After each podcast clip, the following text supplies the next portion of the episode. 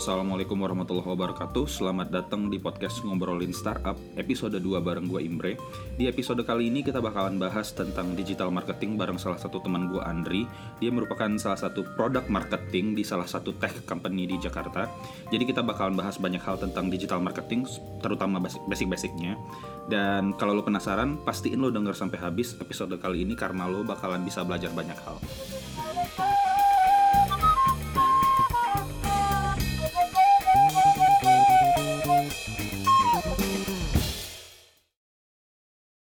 Assalamualaikum warahmatullahi wabarakatuh. Selamat datang lagi di podcast Ngobrolin Startup. Kali ini kita kedatangan uh, tamu spesial, salah satu produk marketing dari Traveloka, namanya Andri. Ya, uh, sekarang langsung aja kita pengen kenalan dulu. Silakan Andri kenalin diri, uh, nama, hobi, dan lagi sibuk apa sekarang. Silakan. Ya, uh, thank you Imre. Ya, nama gue Andri uh, gue produk marketing di Traveloka sekarang hobinya cuman main bareng anak gue karena gue baru aja lahiran anak pertama. Asik jadi bapak ya. Yoi. Lu kapan tenang tenang nunggu kemudian uh, kesibukannya sekarang ya itu jadi produk marketing di Traveloka. Oke okay, jadi uh, seperti yang udah kita pernah bahas sebelumnya podcast hmm. ngobrolin startup ini bakal ngobrolin beberapa topik tentang startup. Salah satunya kita pengen bahas tentang marketing. Nah, karena kebetulan hari ini kita kedatangan tamu dari uh, yang punya latar belakang ngurusin marketing dan segala macam, jadi hari ini gue pengen bahas tentang digital marketing untuk startup. Nah, kita mulai aja. Jadi gue punya beberapa pertanyaan yang nanti mm-hmm. seiring jalan bakal gue tanyain ke Andri. Jadi uh, pertanyaan pertama mungkin kita yang dasar-dasar dulu. Hmm. Kalau menurut lo digital marketing itu seperti apa sih? Um, Sebenarnya uh, digital marketing itu bisa gue bilang sama aja dengan marketing biasa. Cuman ya itu media itu media-media digital gitu.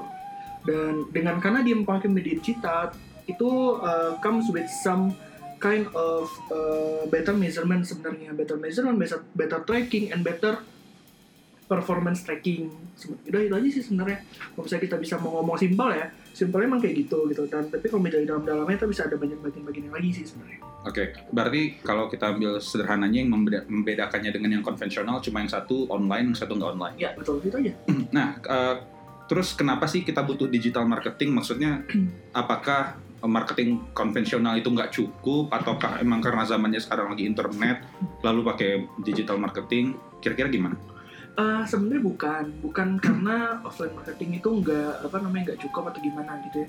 Tapi gini, ketika lu ada di startup gitu, ataupun misalkan let's say lu udah dapat seed funding gitu kan, uh, lu pasti akan sangat-sangat perhitungan itu ngeluarin duit gitu. Dan that's why orang-orang ketika baru let's say baru buka startup, pertama-tama yang mereka lakukan adalah uh, they try to set up their digital marketing account Kenapa? Karena digital marketing account, ya udah gue bilang tadi, performance trackingnya paling, paling bagus gitu. Jadi setiap cost yang lo keluar terjustify dengan baik. Sampai end resultnya kayak gimana? Apakah let's say itu conversion, atau misalkan itu impression, atau itu click, atau itu visit, etc. etc. gitu. Nah, tergantung dari objektif lo, semua objektif lo sebenarnya bisa di cater dengan baik oleh si digital marketing That's why orang-orang itu kalau misalkan sekarang ya main digital marketing karena itu sebenarnya. Oh berarti sekarang lu nggak butuh lagi marketing konvensional? Butuh, tetap butuh. That's why tadi gue bilang ada objektifnya tersendiri. Kalau misalkan lu udah di tahap di mana lu membutuh menjustify semua pengeluaran lu dan digital marketing is a good thing karena lu bisa measure dan ROI-nya ada dari end to end. Oh, Oke. Okay. Tapi kalau misalkan lu uh, apa namanya dan dan kalau digital marketing itu lu bisa ngeset ya targetnya yang funnel yang mana gitu. Apakah itu lower funnel atau upper funnel gitu. Tapi kalau misalnya untuk offline marketing itu tetap butuh Kenapa? Karena offline marketing tetaplah dom, apa namanya yang paling banyak media yang paling banyak dipakai di Indonesia, yaitu TVC, TV kayak TV komersial, kemudian radio, koran, kemudian ada juga uh, baliho, baliho ya. Baliho itu masih tetap banyak dipakai orang gitu loh. Tapi masalahnya yang uh, konvensional itu nggak bisa terukur apakah orang itu. yang beli itu emang datang dari uh, dari sana apa enggak uh, gitu loh. Tapi offline marketing atau offline media itu tetap dibutuhkan kenapa? Karena in terms of impression itu mereka paling bagus gitu loh. Karena mereka bisa misalnya kayak TV deh, TV lu pasang sekali gitu kan waktu saya 30 detik yang nonton bisa berapa juta umat kan. Pasti. Gitu. Oke oke, menarik. Nah tadi Andri udah sempat uh, nyebut juga nih ada beberapa contoh digital marketing. Kalau menurut lo uh, bisa cerita nggak hmm. digital marketing itu seperti apa aja sih? Kalau yang gue tahu nih ada sosial media, hmm. tapi katanya ada berbagai macam contoh digital marketing. Oke, jadi sebenarnya dari sisi uh, digital marketing uh, itu ada beberapa level sebenarnya. Pertama itu yang paling uh, awal banget itu sisi yang uh, digital marketing SEM, search engine marketing. Itu itu adalah ads yang muncul ketika lu uh, masukin query apa pun di Google. Oke. Kemudian ketika lu klik, lu akan dapat resultnya kan. Nah biasanya di satu atau dua result pertama itu ada tulisan ads di belah kiri. Hmm. Nah itu adalah search engine marketing. Dan itu um, valuable karena ketika lu nyari, berarti lu udah nunjukin intent kan. Oke. Intent untuk, let's say misalkan lu uh, masukin query beli tiket pesawat. Oke, dan itu berarti lu udah nunjukin intensi untuk membeli tiket pesawat. Oke. Dan sesuai orang-orang pasti akan langsung kayak uh, bahasa bahasa digital marketing adalah ngebit ngebit keyword itu agar Oh. apa agar uh, websitenya dia yang relevan dengan keywordnya itu muncul di yang tempat yang pertama Oke oke. Jadi eh, kalau tadi seandainya kita mesti ngebit, nah proses bid itu ketika apakah terjadi ketika orang query ataukah itu udah ada rules-nya seperti apa sih di belakang? Oh. Kita yang mau pasang iklan tuh harus mempersiapkan apa sih kalau pengen? Oh, kalau misalkan kita yang masa iklan untuk search engine marketing ya, itu kita pertama kita harus nyiapin pertama itu eh, apa namanya budgetnya dulu. Kemudian kita harus ngeset bidnya. Untuk keyword itu kita mau ngebit berapa Oh, maksimal. oke. Gitu. Nah nanti kan yang ngebit kan bukan, cuma kita doang kan. Contohnya kayak misalkan ngebit keywordnya adalah belanja online gitu kan. Pasti yang ngebit ada Tokopedia, ada Shopee, ada Lazada, semuanya gitu. Oke. Bukan apa kayak lain. Nah mereka itu pasti akan perang bid gitu. Kenapa? Karena bid yang paling gede dikombin dengan quality score. Quality score itu apa? Quality score itu adalah tanda apa yang paling gampang itu adalah relevansi relevan. Oke. relevansi antara keyword dengan landing page itu sendiri gitu. I see. Nah itu ntar di combine sama algoritmanya Google untuk mereka ngitung nih siapa yang jadi eh, apa namanya dapat peringkat pertama, siapa yang peringkat kedua, siapa yang peringkat ketiga. Gitu. Oh, Oke, jadi kita nggak ngasih uh, data-data misalnya list of produk kita yang pengen kita promote itu apa? Nggak kayak gitu ya? Kalau list, oh, kita nggak nggak ngasih list of produk, tapi kita ngebit keywordnya, keyword. Oke, oke. Keywordnya gitu. Kalau selain itu, Oke, selain itu ada ya masih di, di tempat yang sama, masih di search engine eh, platform, itu namanya search engine optimization atau SEO. oh itu beda. Itu beda. Oh, karena gue pikir tadi itu sama. Nggak, karena kalau search engine marketing itu yang ada ads-nya itu berbayar. Kalau se- search engine optimization itu adalah eh, secara organik website itu pasti pengennya berada di halaman Pertama. pertama dan paling atas. Oke. Biasanya itu di bawah di bawahnya si ads sih. gitu. Karena apa ya? Kita semua punya kecenderungan untuk tidak percaya sama ads, Oh, Oke. ya kan? Kita semua pasti punya kecenderungan itu. Misalkan kayak lu gitu, misal lu nyari eh, apa namanya kayak belanja, let's say belanja Raspberry Pi, gitu kan? Lu pasti kan nyari bukan yang ada ads-nya. Karena kadang-kadang ketika lu ngeliat apa namanya kayak URL-nya si eh, ads itu kayak ini bener nggak ya, ini bener nggak ya? Gitu. Oh, Pasti lu kan nyari yang paling bawah, kemudian nyari yang nggak ada ads-nya. Kenapa? Karena Google itu berarti meranking si website itu sebagai website ataupun ya URL yang paling relevan dengan pencarian lo secara organik gitu tanpa dibayar apa pun. See. gitu. Nah itu usaha untuk membuat web lo ataupun produk lo ataupun startup lo itu berada dalam eh, peringkat satu halaman eh, search result secara organik itu yang disebut strategy optimization gitu. Oke, berarti ada kemungkinan eh, misalnya kita udah pasang ad dan eh, kita eh, search engine optimization-nya juga bagus, berarti bisa ada kemungkinan dua list kita di ya page di halaman pertama. pertama yes Yang satu ads, yang satu bukan ads. betul. Oh, gitu. Oke, oke, oke, menarik. dan dengan makin banyak kemudian kemungkinan agar orang-orang yang cari itu mengeklik apa namanya website ataupun produk yang lu tawarkan URL itu itu makin gede dong Oke, oke, see. Nah, ke, tadi kita udah bahas SEO sama SEM. ya. Terus ada contoh lain nggak digital marketing lain Oh, yang menurut lo ampuh gitu? Eh, digital marketing itu sebenarnya ada eh, secara apa namanya secara luasnya itu ada display sebenarnya digital marketing. Digital marketing itu apa? Dia pokoknya misalkan lu lagi buka website apa gitu kan ini ada gambar-gambar yang ada banner-banner banner itu di atas gitu atau di samping kanan samping kiri gitu. Ada juga yang gerak-gerak gitu kan. Atau misalnya kita kalau nonton YouTube kemudian tiba-tiba ada muncul iklan lain gitu kan dengan video lain yang sebenarnya ini apaan sih? gitu. Oke. tapi semua itu uh, kita masukinnya sedalam uh, kalau gue sih kalau gue gue nggak tahu karena orang-orang banyak beda-beda sih sebenarnya ketika uh, apa namanya uh, mendefinisikan tentang digital marketing ini. Buat gue itu semuanya masuk dalam satu campaign aja gitu satu kategori yang di kategori display marketing gitu. Karena semua itu terkait dengan tampilan. Baik itu dia static image doang atau video atau semuanya tampilan kan. Oke. itu itu namanya display marketing itu display marketing itu berarti sosial media marketing kayak masang-masang iklan di Instagram dan di Facebook itu juga tergolong Nah. ke display. Jadi sebenarnya display itu yang ketika lo ngeliat ada sponsor, gitu kan, itu berarti ya salah satunya.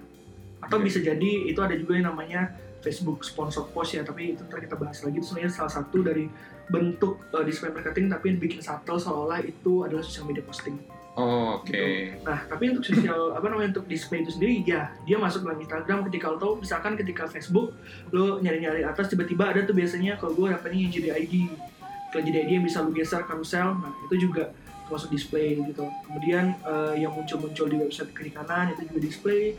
Yang muncul di YouTube ya banyak sih. Oh, berarti oke banyak ya display ya. tapi eh, itu beda dengan tipe-tipe yang postnya dibayar Contohnya. contohnya kalau misalkan siapa ya Lambe Turah gitu Lambe Turah Oh. dia nginin apa namanya nginin produk gitu kan Nginin apa namanya nge endorse produk nah itu berarti bukan bukan bukan Display. satu dis- display marketing tapi itu bentuk salah satu bentuk kayak apa namanya kita ngomong itu influencer marketing sebenarnya jadi kita Oh. menggunakan influencer uh, yang punya followers banyak kemudian kita uh, post agar followernya dapat info terkait itu impressionnya naik gitu sih I see. tapi itu bukan nggak masuk ke display sih itu beda lagi itu masuk ke social media sih Nah, eh, jadi terkait yang barusan kita bahas nih kayak Facebook, Instagram dan segala macam. Sebenarnya gue punya eh, gue penasaran. Jadi misalnya kalau gue search bukan Hmm. sih gue eh, ngeliat timeline Facebook atau Instagram, terus tiba-tiba ada iklan eh, katakanlah eh, Traveloka atau eh, e-commerce yang lain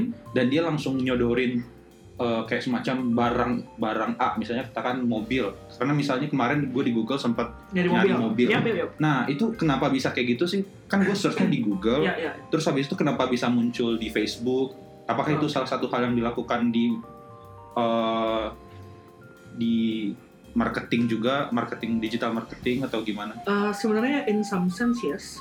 Jadi di untuk display sendiri kita eh, ada dua cara gimana caranya ngera- apa namanya me- apa namanya, menunjukkan iklannya ke customer. Pertama itu ada namanya yang retargeting. Retargeting itu artinya apa? Kita menarget balik menarget balik orang-orang yang udah pernah berinteraksi dengan website kita atau produk kita atau app kita. Oke. Itu contohnya kayak itu tadi. Kayak misalkan lu udah pernah nyari mobil nih di OLX gitu. Temu- Habis itu kemudian besoknya lu nyari Facebook lihat iklan mobil OLX, Oh, mobil iya, OLX, iya. OLX, itu berarti lu dikenali target gitu. Oh I see Gitu. oke Dan itu tuh emang apa namanya mengharuskan ada semacam apa namanya encrypted atau hash lah gitu loh. Pokoknya, pokoknya datanya tuh emang di apa namanya di feed ke Facebook gitu kan. Tapi itu bentuk hash jadi Facebook nggak akan tahu gitu. Yang Oh. tahu itu cuma ya lu doang gitu loh. Bahwa orang itu ini gitu. Jadi kayak ya ya begitu sih. Kemudian yang kedua ada targeting. Targeting itu apa? Berarti lu udah menentukan audiensnya audiensnya terlebih dahulu. oke Jadi itu di mereka orang-orang yang lo kenain targeting itu berarti dia nggak harus berinteraksi dulu dengan website ataupun app lo. Tapi lo tinggal tentuin lo mau umur berapa, orangnya tinggal di mana, eh, apa namanya ya misalkan eh, pekerjaannya apa atau SES nya berapa, SIS itu apa eh, sosial ekonomi status oke kayak apa namanya eh, tingkat income. Ya. Kemudian ketika lo masukin ya Facebook dan Google dua-duanya itu punya apa database yang benar-benar eh, large kan gitu. Mereka punya semuanya, mereka punya data tanggal lahir dan apa namanya kayak behavior online lo dari behavior online itu mungkin nanti bisa ada apa namanya psychographic profilesnya jadinya mereka bisa melakukan itu gitu Jadi info-info kayak tadi yang lo bilang kayak uh, lu udah mau lu mau targeting, uh, lu punya uh, syarat Hmm. nama umurnya berapa, tinggal di mana, itu informasi itu diinputkan ke sosial media platform tadi. ke platform-platform yang men- menyediakan eh, apa namanya Iya. service display targeting Berarti lu ngasih tahu uh, syarat uh, ketentuan targetnya seperti apa dan kemudian lu juga ngasih tahu nanti kasih iklan ini untuk Ya, target betul. ini. Oh, oke oke oke oke. Terus uh, satu lagi deh, gue penasaran. Uh, kan dari, kalau sekarang tuh di Google kita kalau buka email ada satu tab yang isinya promotion, Hmm. ya nggak sih? Nah Ya. itu menurut lo efektif nggak sih email marketing kayak gitu? Seberapa? Kalau gue sih nggak. Misalnya nih dapat email promotion, kalau seandainya yang ngirim email tuh bukan sesuatu yang nggak menarik perhatian gue, gue biasanya nggak buka. Hmm. Kalau menurut lo dari sisi orang marketing itu gimana sih? email ya email tuh sebenarnya kalau misalkan apa namanya eh email tuh sebenarnya hanyalah salah satu eh, media tapi kalau misalnya gue sih biasanya yang ngomong itu adalah media-media yang dimiliki oleh perusahaan itu sendiri kayak on medianya Jadi kayak misalkan bukan cuma email kan, sebenarnya push notif juga. Mungkin lu sering dapat push notif kayak tiba-tiba di Tokopedia atau JDID gitu kan. Ya. Laptop murah Iya, oke. gitu kan. Kadang-kadang itu bahkan nggak nggak dilihat sama lu gitu kan. Tapi apps buat beberapa segmen itu kira dilihat. Akhirnya convert gitu loh. Oh, oke. Kalau misalkan in terms of number mungkin bisa dibilang eh, dibandingin sama apa namanya eh, eh, quantity of the audience itself itu sebenarnya kecil. Tapi bagaimanapun mereka akhirnya menghasilkan conversion. Dan untuk yang kayak email lain kan costnya juga sangat sangat minim. Sehingga apa ya? Sehingga in terms of ROI terjustify. Oh, dia juga kecil. Dia juga kecil, Oh. costnya kecil banget gitu. Kayak lu masang email gitu kan, ya udah misalnya buat 100 orang lah gitu. 100 lu apa namanya? Costnya nol gitu. Biar lu satu aja gitu kan. Dia malah oke banget kan. Atau misalkan costnya mungkin bisa bilang cost data deh. Datanya mungkin dalam satu menit eh, butuh 100 gitu kan. 100 rupiah ngirim email buat 100 orang. Kemudian ketika di 100 orang itu satu yang beli. Satu yang beli itu harganya 1 juta. Berarti 1 juta Dikurang modal masih untung. Iya, satu Oke. juta dibandingin sama kosnya cuma 100 dan untuk satu rupiah itu bisa ngasilin sepuluh ribu. Oke, oke, oke, Betul. oke. Menarik, menarik, Bagus menarik. Nah, eh, kita tadi jadi kita udah bahas beberapa hal tentang basic-basic marketing, digital marketing itu apa, Hmm. dan kemudian ada contoh digital marketing dan segala macam. Nah, di segmen 2 ini gue pengen tahu menurut pandangan lo dari semua eh, item digital marketing ini yang paling efektif itu yang mana sih? Oke, ini sebenarnya uh, apa nih, pertanyaan yang uh, nggak pertanyaannya sebenarnya bukan kayak gitu sih sebenarnya. Jadi Jadi sebenarnya uh, digital marketing itu semuanya efektif gitu loh. Semuanya bisa efektif tergantung dari dari objektif lu kayak gimana. Gitu. Jadi kalau misalnya kita marketing kita jarang banget bilang bahwa ininya apa namanya uh, lu pakai ini buat campaign itu ya nggak nggak nggak objektif tuh Oh, oke. itu apa namanya jarang banget sih gitu karena ya kita lihat objektifnya kalau objektifnya apa maka campaignnya dan juga secara struktur siapa namanya eh, gimana digital marketing yang dirun dia akan sesuai sama si campaign itu tadi Bisa kasih salah satu contoh nggak? Eh, nggak harus tentang Traveloka, bisa Hmm. yang lain-lain juga. Kira-kira eh, goalnya seperti apa? Contohnya Dan, gini, misalkan ya, eh, lu punya satu website online shop gitu, dan eh, kemudian lo menggunakan display marketing untuk yang targeting, gitu kan? Tetapi tujuan lo adalah agar orang-orang beli, gitu. Itu nggak akan bagus. Kenapa? Karena lo ngetarget orang yang belum tentu punya intensi untuk beli Oke. itu mengurangi probabilitas gitu kan kemudian kalau misalnya pakai targeting biasanya tergantung budgetnya juga ya biasanya tuh apa namanya uh, quantity of audience kan gede Quantity of apa? Sorry. audience Audience. audience dari yang kalau target itu kan gede sehingga apa sehingga sebenarnya uh, quantity audience gede tapi orang yang punya intent dikit jadi conversion kan kecil banget kan kalau misalnya kecil banget berarti kita udah salah dari awal kenapa karena harusnya objektifnya bukan untuk beli kalau lo pakai targeting tapi Oh. untuk impression agar orang aware dulu gitu. Jadi ada beberapa, jadi kayak apa namanya semua digital marketing ya apa namanya ya platform ataupun eh, apa namanya itu semua digital cara-cara digital marketing kemudian tiba-tiba itu semuanya akan efektif untuk objektif-objektif yang emang dia itu diperuntukkan untuk itu. Gitu sih. Dan semuanya bisa dioptimize berdasarkan objektif-objektif itu. Gitu. Kalau misalnya di targeting, targeting jangan harap itu akan seluas targeting quantity audience-nya, tetapi untuk in terms of conversion itu akan bagus Oh gitu. iya. iya. Karena lo akan ditarget orang yang udah pernah menunjukkan bahwa dia punya intensi gitu loh targeting dia akan luas tapi ya itu dia bagusnya buat awareness doang Oke, berarti lo targeting dulu, habis itu setelah ada yang beli, terus lo retarget lagi, retarget nah lagi. dan itu itu salah, sat- salah satu cara eh, apa namanya utilisasi dari eh, display marketing display ya, digital marketing lain itu juga ada banyak lagi sih Oke. Nah, eh, menarik ya. Jadi kita udah tahu nih kira-kira pandangannya gimana sih cara bikin biar marketingnya kurang lebih efektif. Nah, sekarang gue pengen tahu kalau menurut lo kalau misalnya ada yang eh, lagi baru membangun startup, startupnya baru di early stage udah dapat seed funding dan dia udah dia lagi develop produk, produknya belum rilis nih. Hmm. Apakah mereka di titik itu udah harus mikirin tentang marketing kah atau harus nunggu produknya rilis dulu kah? Kira-kira menurut lo kayak gimana? Em, jadi gini kalau misalkan ya let's say uh, kita udah punya seed funding dan uh, fundingnya itu cukup ya tapi produknya belum launch tapi uh, apa namanya bakal launch dalam waktu berapa lama Oke. itu pertanyaannya dulu kalau misalnya let's say dalam waktu mungkin kayak Beberapa bulan lah itu nanti. oh kalau beberapa bulan hitungan tiga bulan gue rasa itu belum perlu ya. Belum perlu. belum perlu. Tapi lu udah mulai mempersiapkan. Jadi eh, belum perlu eksekusi tapi udah mulai persiapkan. Eh, jadi se- misalkan pokoknya beberapa waktu sebelum produk itu launch kita dari tim marketing udah harus mulai research.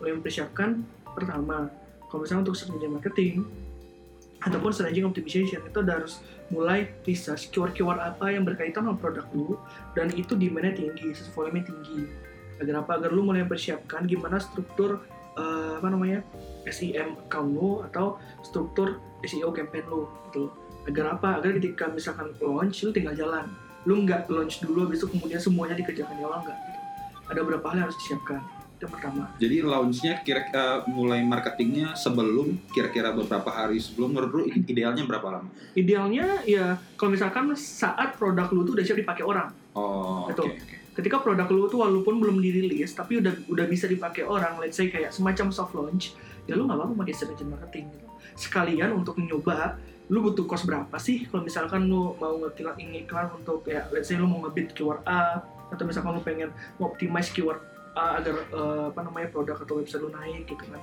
Kemudian eh, bukan hanya itu lu juga udah harus mulai nyari nih nyari untuk produk lu itu segmen kayak gimana demografik ataupun psikografiknya yang relate gitu. Yang kayak misalkan jadi potensial new customer buat lu. Potensial usernya siapa aja. Agar apa? Agar nantinya bisa lu pakai buat nge-target gitu. Karena lu nggak akan mungkin retarget people kalau misalnya lu nggak orang-orang tuh nggak aware dulu kan Iya, iya. sama produk lu gitu. Tapi sebelumnya lu harus research dulu target mana yang eh, apa namanya audiens kayak gimana profilnya yang yang cocok untuk produk lu gitu kalau misalkan dia nggak cocok ya saya lu bilang ah ini mungkin buat milenial 18 sampai 25 gitu kan. Oke welcome to apa namanya pasti lu akan habis ininya costnya gitu loh. Karena itu benar-benar kayak luas banget gitu itu apa namanya kayak kalau misalnya lu based on cost itu cost per view atau cost per impression lu akan mati sih. Lu Oh, cost lu akan akan bengkak banget sih gitu I see. makanya itu tuh harus dilakukan market research yang teman segmen agar nanti kita melakukan targeting lu bisa nge-target ke orang-orang yang potensial kemudian orang potensial itu benar-benar tertarik masuk ke dalam app lu atau atau apa namanya kayak website lu atau produk lu agar lu bisa gampang retarget lagi gitu jadi sebelum itu bukan cuma apa namanya marketingnya doang ya tapi technicalities di balik itu juga udah lu harus siapin sebelum produk lu eh, produk tuh launch Oke. kayak misalkan kalau misalkan lu punya waktu sih kalau misalkan yang untuk retargeting dan lu harus bisa pin juga gimana caranya agar data lu tuh bisa di hash di communicate sama si social media platform misalnya itu Facebook atau Google agar mereka bisa nge-target orang yang tepat gitu, sih Eh, satu pertanyaan lagi tentang hal ini. Hmm. Jadi gue kita balik lagi ke belakang. Tadi kita bahas ada beberapa contoh sosial media, Hmm. sos- eh, sosial apa sih digital marketing. Hmm. Eh, yang menarik bagi gue itu adalah gimana sih cara lo mengukur keberhasilan dari masing-masing strategi. Tadi ada SEO, ada SEM, ada sosial media, ada display, ada email. Nah itu gimana sih caranya lo mengukur keberhasilan Oke. masing-masing? Eh, itu semua tergantung ke matrix apa yang jadi matrix utama lu Oke. semuanya itu tergantung misalkan ketika lu jadi campaign leadernya dan kayak, kayak matrix apa yang akan lu jadikan eh, apa namanya eh, patokan untuk mengukur keberhasilan campaign itu pertama bisa jadi lu pengennya adalah objektifnya untuk menimbulkan awareness. Itu berarti kalau awareness dia akan tie dengan impression. Oke. berapa banyak orang lihat. Kalau misalnya emang target adalah impression ya udah lu ketika lu run campaign misalnya targeting berapa orang yang ngelihat itu gitu. Atau misalnya SEM pun juga bisa ngelihat kok berapa orang ngelihat apa namanya eh, tulisan ads di search engine itu gitu. Oke. kalau misalnya pengen tujuannya impression dan just check the impression gitu impressionnya berapa apakah sesuai dengan target lu di Kalau awal impression itu gue pengen tahu. Itu apakah cuma ketika misalnya gue Iya. searching di Google lo ngelihat ada tulisan itu ya, ngelihat atau sampai lu ngeklik ke dalam? doang. lihat doang Oh, ngelihat doang. klik ada lagi Oh, gitu. beda lagi. itu beda lagi makanya tergantung tergantung sama objektif lu sebenarnya gitu kalau misalnya emang objektif lu adalah buat awareness dan impression is enough kan Kalau impression is enough dan yang perlu maintain ta- apa namanya matrixnya lah bentuk impression doang gitu Oke. berarti Dan yang bisa lo lakukan adalah nge-optimize agar cost per impressionnya tuh kecil oke, gitu. mengoptimize agar cost per Cost. impressionnya kecil supaya supaya ya lu bisa benar-benar optimize campaignnya gitu. oh jadi kayak cost yang keluar tuh nggak terbuang sia-sia gitu ini bisa jadi itu juga nggak sih? Misalnya lu udah tahu matrix-matrixnya nanti ke depannya bisa jadi patokan juga buat lo uh, biar nentuin mau ngiklan ke mana, mau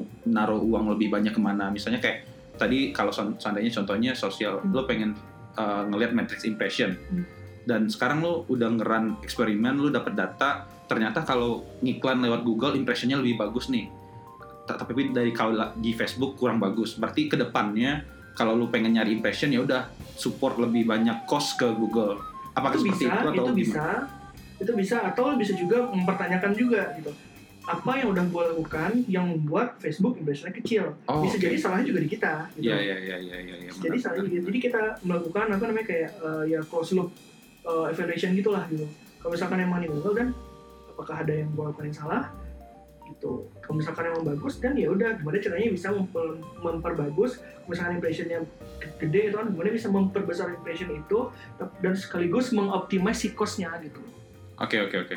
Sip. Nah, eh, gue kemarin juga sempat posting beberapa eh, di Twitter. Kalau ada yang mau tanya bisa nanya ke Twitter gue dan ada satu orang yang Oh, bertanya. orang. Alhamdulillah Oh iya, masih baru tenang. mantap mantap mantap. mantap. Jadi ada Widuri, ya, dia bilang saya bukan dari orang marketing, malahan saya awam banget. Saya mau tanya, gimana saya cara belajarnya dan apa aja hal-hal pendukung buat terjun ke sana.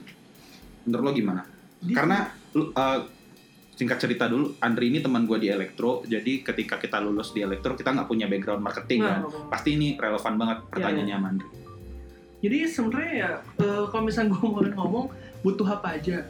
Pertama ya lu butuh eh, mentor sebenarnya sih. Karena waktu gue dulu di sini, gue dulu dimentorin gitu loh. Dimentorin ada selama enam bulan. Karena gue di program itu emang enam bulan dan itu mah dilatih eh, selama di Google gue dilatih selama dua minggu intern- internship waktu itu. Tapi kemudian ya gue dimentorin gitu. Jadi kayak learning by doing. Dan kemudian lu kan dapat sense-nya sih ketika lu udah learning by doing gitu. Tapi kalau misalkan emang yang nggak dapet ya lu bisa banyak sih sebenarnya di Coursera, di edX, di Udemy itu lu udah bisa banyak banget course-course buat di marketing, digital marketing khususnya. Dan ya apa namanya kayak product marketing ataupun kayak business insight analysis itu udah banyak banget gitu sebenarnya gitu. Jadi menurut gua eh, butuhin apa ya? Dibutuhin cuma kemauan belajar sih. Kemauan buat belajar, habis itu kemau- kemauan untuk punya growth mindset. Jadi nggak berhenti di situ karena kalau misalnya once lu udah ya misalnya kayak kita deh kita udah masuk ke teknologi company itu berarti kita udah masuk ke dalam dunia di mana kecepatan itu benar-benar cepat gitu berarti lu pun juga harus adaptnya cepat berarti lu pun juga harus open dengan segala kemungkinan-kemungkinan yang ada di depan Oke. gitu sih jadi menurut gue yaitu growth mindset sama kemampuan untuk belajar Pertanyaan gue adalah, lu kan dapat hal-hal kayak gini ketika lu kerja di perusahaan yang emang menggunakan ini. Hmm. Tapi kalau seandainya dia nggak lagi kerja di perusahaan yang seperti inilah, maksudnya misalnya kan dia uh, freelance Hmm. atau dia kerja di corporate yang nggak bersentuhan langsung dengan hal-hal seperti ini, menurut lu apakah dia harus uh, pindah ke pekerjaan yang seperti ini kah supaya bisa Enggak kok. merasakan atau gimana? Nggak kok, eh, bahkan lu juga bisa ambil eh, di Google tuh nggak salah dia ada Google Ads certification gitu. Oke, certificationnya kayak kalau nggak salah lu bayar deh iya bayar. bayar ya. Tapi lo itu apa namanya untuk materinya lo bisa akses gratis. Jadi lo bisa belajar dari sana sebenarnya. Itu loh. Untuk di Google ya kalau Facebook gua kurang tahu sih. Ya gue- kalau Facebook harusnya juga punya yang sama sih. Oke, Eh, dari gue sih nggak ada pertanyaan lagi, Ndri. Terima kasih udah mau menyumbangkan eh, waktunya di tengah kesibukan yang padat. Eh, semoga apa yang kita bahas ini bisa jadi eh, ilmu yang bermanfaat untuk orang, bisa at least orang tercerahkan lah. Kalau pengen bikin startup mau marketing harus tahu apa aja dulu. Eh, kalau gue sih terus terang tercerahkan karena background gue bukan marketing dan gue nggak kerja tentang marketing, jadi ini ilmu baru banget buat gue. Dan dari gue itu aja. Terima kasih buat yang udah dengerin kita bakal balik lagi kira-kira mungkin satu atau dua minggu dengan topik yang berbeda dan pembicara yang berbeda. Dan kalau seandainya lu punya ide eh, mau ngajakin siapa atau punya ide pengen ngebahas apa, silahkan eh, mention gue di Twitter @imbrenagi. Jangan lupa follow juga. Kabar baik, podcast kita ngobrolin startup udah ada di Pocket Cast. Jadi kemarin awal-awal di Anchor FM, terus ada di Pocket Cast dan Spotify dan Apple Podcast bakal menyusul. Jadi tetap follow terus uh, podcast ngobrolin startup. Kita bakal datang dengan konten-konten yang menarik lagi di depannya. Terima kasih untuk yang udah dengerin. Assalamualaikum warahmatullahi wabarakatuh.